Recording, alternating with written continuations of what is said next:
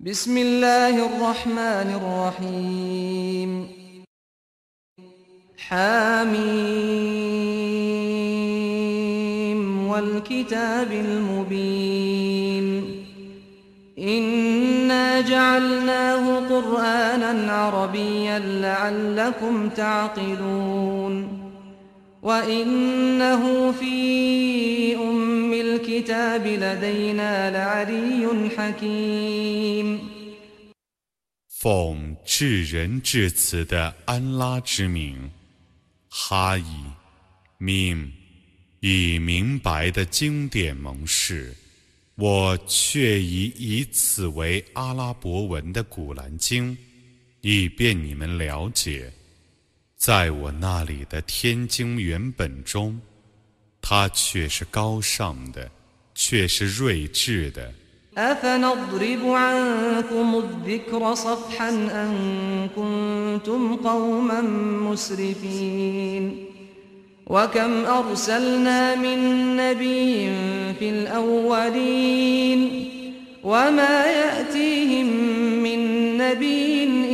أفنضرب عنكم الذكر صفحا أن كنتم قوما مسرفين وكم أرسلنا من نبي في الأولين وما يأتيهم من نبي إلا كانوا به يستهزئون فأهلكنا أشد منهم بطشا ومضى مثل الأولين 难道因为你们是过分的民众，我就使你们不得受教训吗？我曾派遣许多先知去教化古代的民族， 每个先知来临他们的时候，他们都加以愚弄。我曾毁灭了比你的宗族更强横者。鲜明的实力已逝去了。 ولئن سألتهم من خلق السماوات والأرض ليقولن خلقهن العزيز العليم الذي جعل لكم الأرض مهدا وجعل لكم فيها سبلا لعلكم تهتدون والذي نزل من السماء ماء بقدر فأنشرنا به بلدة ميتا كذلك تخرجون 如果你问他们，谁 创造了天地，他们必定说：万能的、全知的主创造了天地。他以大地为你们的安息之所，他为你们在大地上开辟许多道路，以便你们达到旅行的目的地。他从天上降下有定量的雨水，借雨水而使已死的地方复活。你们将来要这样从坟墓中被取出。 والذي خلق الأزواج كلها وجعل لكم من الفلك والأنعام ما تركبون لتستووا على ظهوره ثم تذكروا نعمة ربكم إذا استويتم عليه وتقولوا سبحان الذي سخر لنا هذا وما كنا له مقرنين وإنا إلى ربنا لمنقلبون 他创造万类， 而以传播和牲畜供你们骑乘，以便你们端坐在上面，然后在端坐的时候，想着你们的主的恩典，并且说：赞颂安拉，超绝万物，他为我们制服此物，我们对于他。本是无能，我们必定归于我们的主。 وجعلوا له من عباده جزءا إن الإنسان لكفور مبين أم اتخذ مما يخلق بنات وأصفاكم بالبنين وإذا بشر أحدهم بما ضرب للرحمن مثلا ظل وجهه مسودا وهو كظيم أومن ينشأ في الحلية وهو في الخصام غير مبين 他们把他的一部分仆人当做他们的分子，人却是明显的孤恩者。 难道他从自己所创造的众生中自取女儿，而以男儿专归你们吗？他们妄言智人主有女儿，但他们中的一个听说自己的妻子生女儿的时候，他的脸色变成暗淡的，而且他是恼怒的。在手势中长大，且不能雄辩者，难道他们以他归安拉吗？وجعلوا الملائكة الذين هم عباد الرحمن إناثا أشهدوا خلقهم ستكتب شهادتهم ويسألون وقالوا لو شاء الرحمن ما عبدناهم ما لهم بذلك من علم إن هم إلا يخرصون أم آتيناهم كتابا من قبله فهم به مستمسكون 众天神本是安拉的奴仆，他们却以众天神为女性。他们曾见证安拉创造天神吗？ 他们的见证将被记录下来，他们也将被审问。他们说：“假若智人主义欲，我们是不会崇拜他们的。”他们对于此说毫无认识，他们只是说谎话。难道以前我曾赐他们一本天经，而他们？是坚持那本天经的。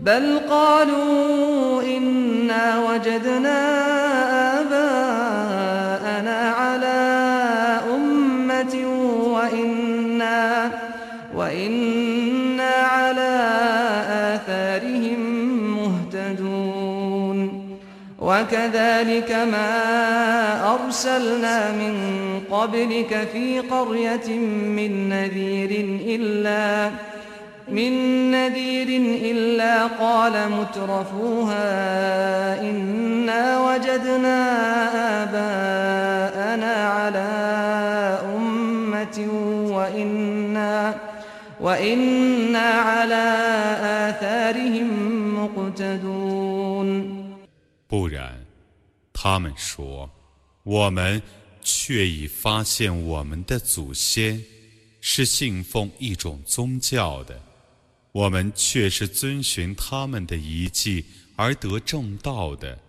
在你之前，每逢我这样派遣警告者到一个城市去，那里的豪华者总是说：“我们却已发现我们的祖先是信奉一种宗教的。”我们却是遵循他们的遗迹的。قال أولو جئتكم بأهدى مما وجدتم عليه آباءكم قالوا إنا بما أرسلتم به كافرون فانتقمنا منهم فانظر كيف كان عاقبة المكذبين 他说 即使我显示你们一种比你们祖先的宗教更为崇正的宗教，你们还要遵从你们的祖先吗？他们说：“我们却是不信你们所奉的使命的，故我惩罚了他们。你看看，否认正道者的结局是怎样的。” وإذ قال إبراهيم لأبيه وقومه إنني براء مما تعبدون إلا الذي فطرني فإنه سيهدين وجعلها كلمة باقية في عقبه لعلهم يرجعون 当时，伊卜拉欣 对他的父亲和宗族说：“我与你们所崇拜的，却是没有关系的。为创造我的主，则不然。他必定引导我。他将这句话留赠他的后裔，以便他们悔悟。” بل متعت هؤلاء وآباءهم حتى جاءهم الحق ورسول مبين ولما جاءهم الحق قالوا هذا سحر وإنا به كافرون 不然，我使这些人和他们的祖先享受。直到真理降临， 及宣教的使者诞生，真理降临他们的时候，他们说：“这是魔术，我们必定不信他。”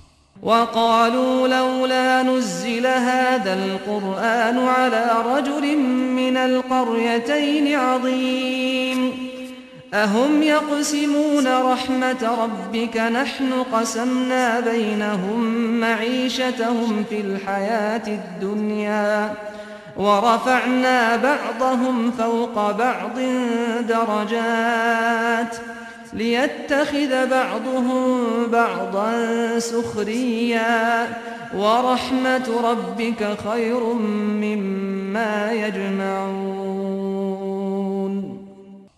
他们说：“怎么不把这本古兰经降世两城中任何一城的要人呢？难道他们能分配你的主的恩惠吗？我将他们在今世生活中的生计分配给他们，我使他们彼此相差若干级，以便他们层层节制。你的主的恩惠。”比他们所积蓄的更优美。ولولا أن يكون الناس أمة واحدة لجعلنا لمن يكفر بالرحمن لبيوتهم لجعلنا لمن يكفر بالرحمن لبيوتهم سقفا من فضة ومعارج عليها يظهرون ولبيوتهم أبوابا وسررا عليها يتكئون وزخرفا وإن كل ذلك لما متاع الحياة الدنيا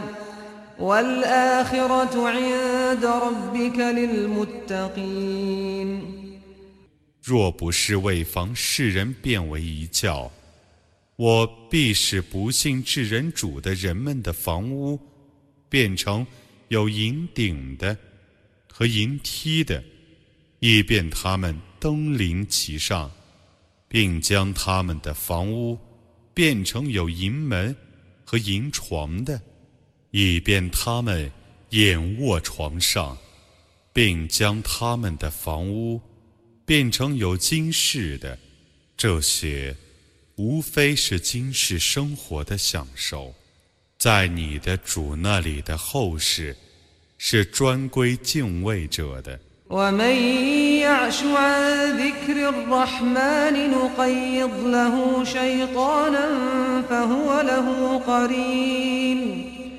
وإنهم ليصدونهم عن السبيل ويحسبون أنهم مهتدون. حتى إذا جاءنا قال يا ليت بيني وبينك بعد المشرقين فبئس القرين. ولن ينفعكم اليوم إذ ظلمتم أنكم في العذاب مشتركون أفأنت تسمع الصم أو تهدي العمي ومن كان في ضلال مبين 谁要是无视至人主的教诲，我就让一个恶魔附在谁的身上，成为他的朋友。那些恶魔 妨碍他们遵循正道，而他们却以为自己是遵循正道的。待无事者来到我那里的时候，他对他的朋友说：“但愿我和你之间有东西两方的距离。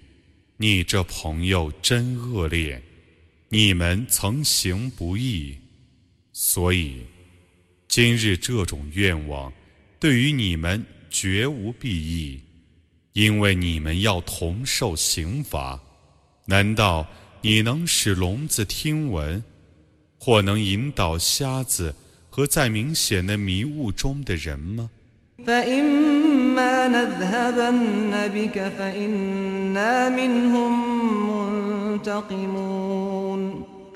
？أو نرينك الذي وعدناهم فإنا عليهم مقتدرون فاستمسك بالذي أوحي إليك إنك على صراط مستقيم وإنه لذكر لك ولقومك وسوف تسألون واسأل من أرسلنا من قبلك من رسلنا أجعلنا من دون الرحمن آلهة أجعلنا من دون الرحمن آلهة يعبدون 如果我使你气势，那么我将来必定要惩罚他们。 设或我要昭示你，我所用以警告他们的刑罚，那么我对他们却是全能的，所以你应当坚持你所受的启示，你却是在正道上的。古兰经却是你和你的宗族的荣誉，你们将来要被审问，你问问。在你之前所派遣的众使者，我曾否在至人主之外，制定许多神灵供人崇拜？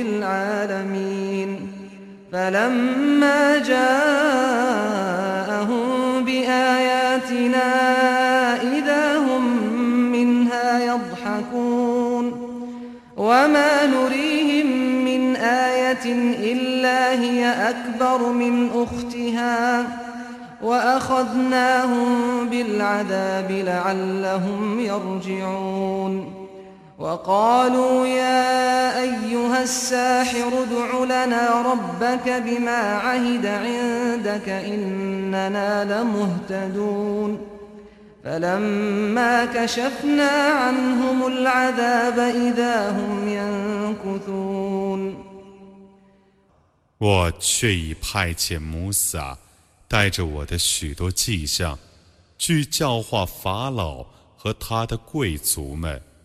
他说：“我却是众世界的主的使者。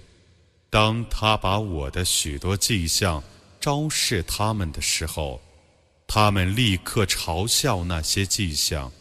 我所昭示他们的迹象，一件比一件大。我曾以刑罚惩治他们，以便他们悔悟。他们曾说。”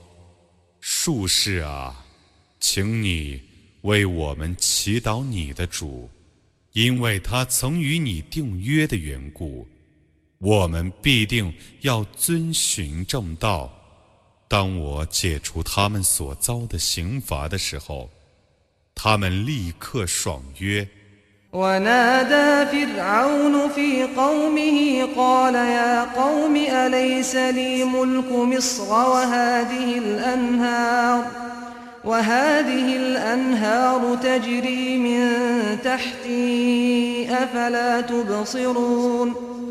أم أنا خير من هذا الذي هو مهين ولا يكاد يبين؟ فلولا ألقي عليه أسورة من ذهب أو جاء معه الملائكة مقترنين. فاستخف قومه فأطاعوه إنهم كانوا قوما فاسقين 法老曾喊叫他的百姓说：“我的百姓啊！”密斯尔、埃及的国权和在我脚下奔流的江河，不都是我的吗？难道你们看不见？ 难道我不是比这卑贱而且含糊的人更强吗？怎么没有黄金的手镯加在他的手上呢？或者是众天神同他接踵降临呢？他曾鼓动他的百姓，他们就服从他，他们却是悖逆者。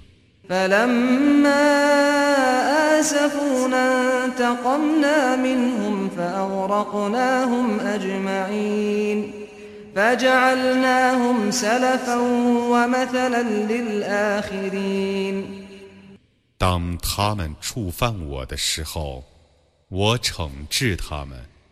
故使他们通通淹死，我以他们为后人的见解。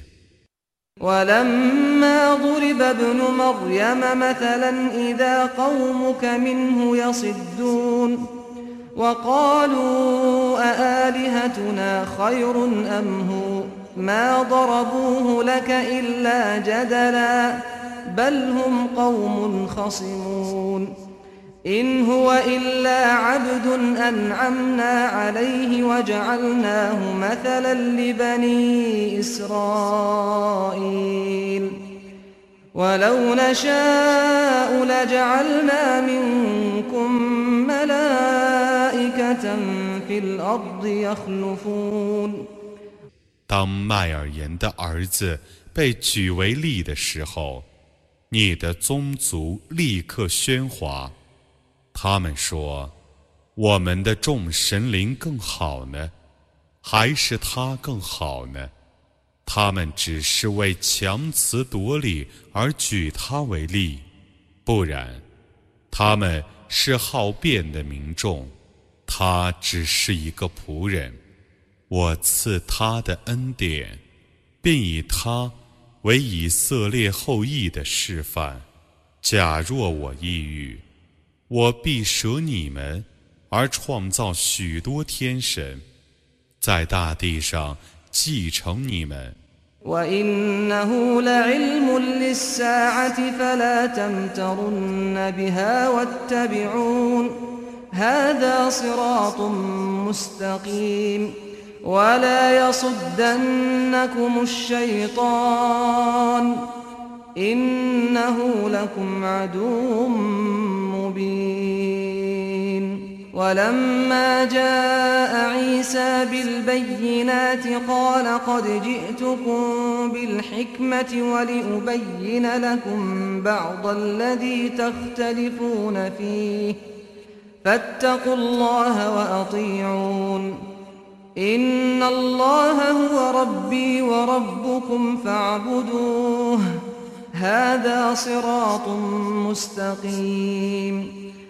这却是复活时的预兆，你切莫怀疑他，你应当顺从我，这是正路，绝不要让恶魔妨碍你们，他却是你们的鸣笛。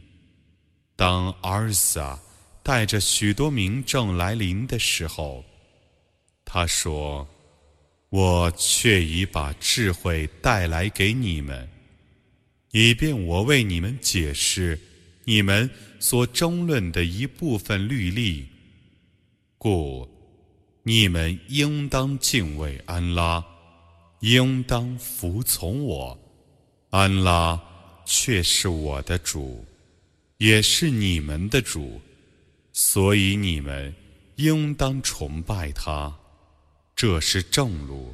فاختلف الأحزاب من بينهم فويل للذين ظلموا من عذاب يوم أليم هل ينظرون إلا الساعة أن تأتيهم بغتة وهم لا يشعرون الأخلاء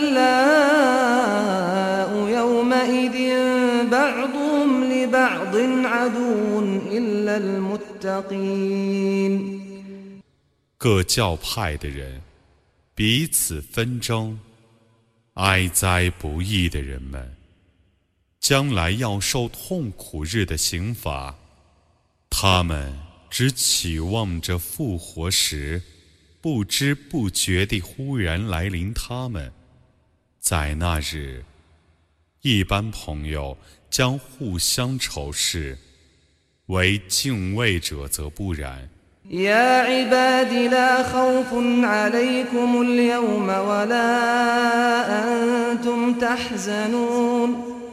الذين آمنوا بآياتنا وكانوا مسلمين ادخلوا الجنة أنتم وأزواجكم تحبرون يطاف عليهم بصحاف من ذهب وأكواب وفيها ما تشتهيه الأنفس وتلذ الأعين وأنتم فيها خالدون وتلك الجنة التي أورثتموها بما كنتم تعملون لكم فيها فاكهة كثيرة منها تأكلون 我的众仆啊，今日你们没有恐惧。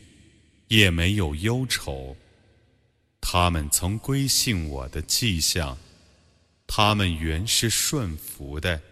你们和你们的妻子，愉快地进乐园去吧。 将有金盘和金杯在他们之间挨次传递。乐园中有心所恋慕、眼所欣赏的乐趣。你们将永居其中，这是你们因自己的善行而得继承的乐园。你们在其中将有许多水果供你们取食。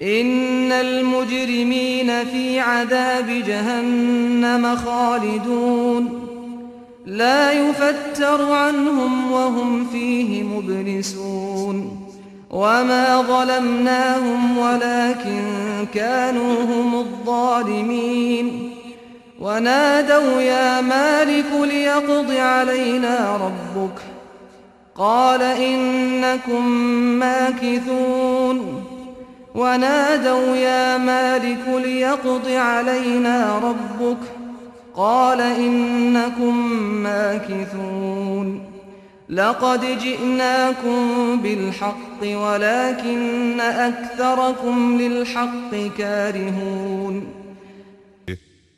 人们将来必永居于火狱的刑罚中， 那刑罚不稍减轻，他们将在其中沮丧。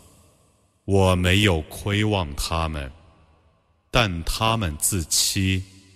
他们将喊叫说：“马利克啊，请你的主处决我们吧。”他说：“你们必定要留在刑罚中，我却已把真理昭示你们但你们大半是厌恶真理的。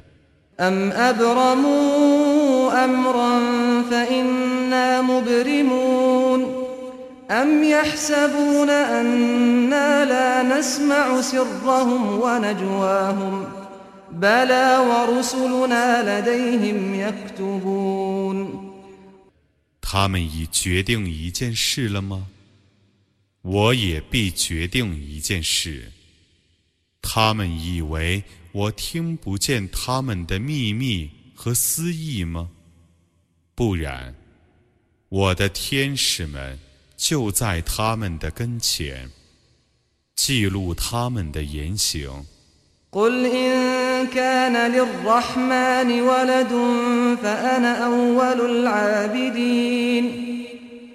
سبحان رب السماوات والأرض رب العرش عما يصفون فذرهم يخوضوا ويلعبوا حتى يلاقوا يومهم الذي يوعدون 你说。如果智人主有女儿，那么我是首先崇拜其女儿的， 赞颂天地的主，宝座的主，他是超乎他们的虚数的。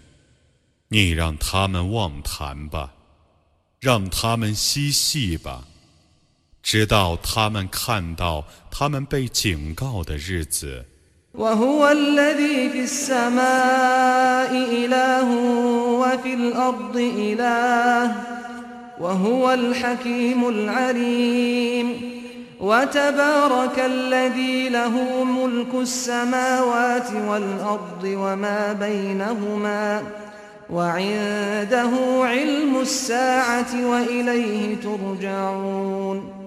ولا يملك الذين يدعون من دونه الشفاعة إلا من شهد بالحق وهم يعلمون. ولئن سألتهم من خلقهم ليقولن الله فأنا يؤفكون 他在天上是应受拜的，在地上也是应受拜的。他却是智睿的，却是全知的，多福在有天地的主权 和天地间的万物者，复活时的知识只有他知道，你们只被召归于他，他们舍他而祈祷的，没有替人说情的权柄。唯一真理而作证，且深知其证词的人们，则不然。如果你问他们，谁创造他们，他们必定说：“安拉。”他们是如何被谬的呢？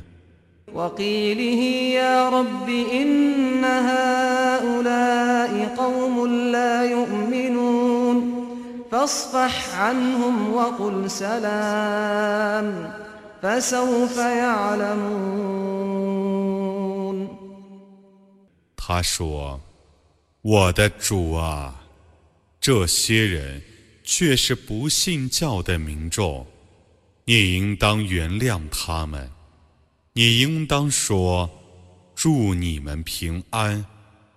他们不久就知道了。”